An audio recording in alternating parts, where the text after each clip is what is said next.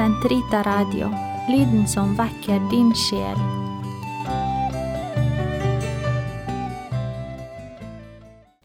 Den katolske kirkes katekisme, uke 15, søndag, paragraf 2670 2675. Kom, Hellige Ånd. Ikke kan noen si Jesus er Herre uten ved Den hellige ånd. Hver gang vi begynner å be til Jesus, da er det Den hellige ånd som ved sin forutgående nåde trekker oss inn på bønnens vei. Siden Ånden lærer oss å be i det Han minner oss om Kristus, hvordan skulle vi kunne unnlate å be til Ham selv? Slik har det seg at Kirken ber oss hver dag å påkalle Den hellige ånd, særlig ved begynnelsen eller slutten av alle viktige gjøremål. Dersom Ånden ikke skal tilbes, hvordan guddommeliggjør Han meg da ved dåpen? Og hvis Han skal tilbes, bør Han da ikke gjøres til gjenstand for en særlig dyrkelse? Den tradisjonelle måten å be om Ånden på er å påkalle Faderen ved Kristus vår Herre om at han må gi oss Ånden, trøsteren. Jesus legger vekt på at denne bønnen skal skje i hans navn, samtidig som han lover at sannhetens ånd skal bli gitt. Men den enkleste og mest direkte bønnen er også tradisjonell. Kom, Hellig Ånd. Og hver enkelt liturgisk tradisjon har videreutviklet dette i sine antifoner og hymner.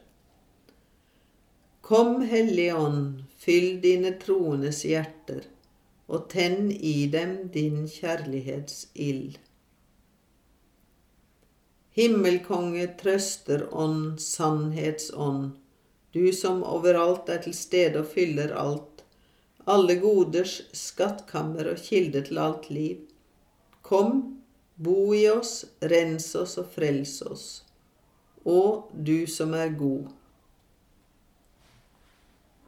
Den hellige ånd, hvis salving gjennomtrenger hele vårt vesen, er den kristne bønns indre læremester.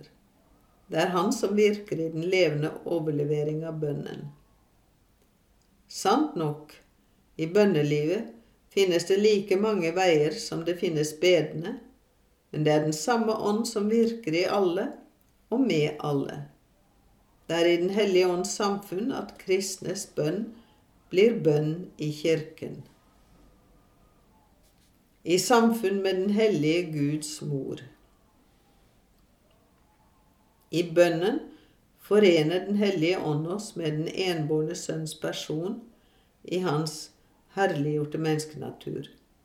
Det er ved den og i den at vår bønn som barn i kirken skjer i fellesskap med Jesu mor.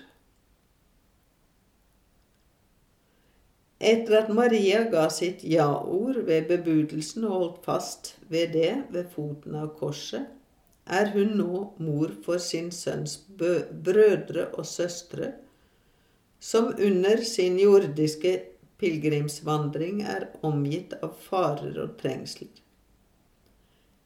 Jesus, den eneste mellommann, er veien for vår bønn. Maria, hans mor og vår mor, gir ham til kjenne. Hun er veivisersken hode, hodege, hodegetria. Hun er tegnet ifølge tradisjonell ikonografi i øst og vest.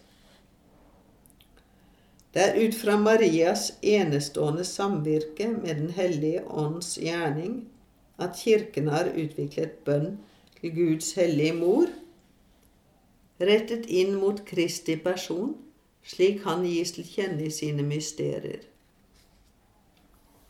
I de utallige hymner og antifoner som gir uttrykk for slik bønn, er det to bevegelser som vanligvis veksler med hverandre. Den ene lovpriser Herren for de store ting han har gjort mot sin ringe tjenerinne, og ved henne mot alle mennesker. Den annen gir Guds barns bønner og lovsanger over i Jesu mors hender, nå da hun kjenner menneskenaturen som Guds sønn gjorde seg til ett med i henne.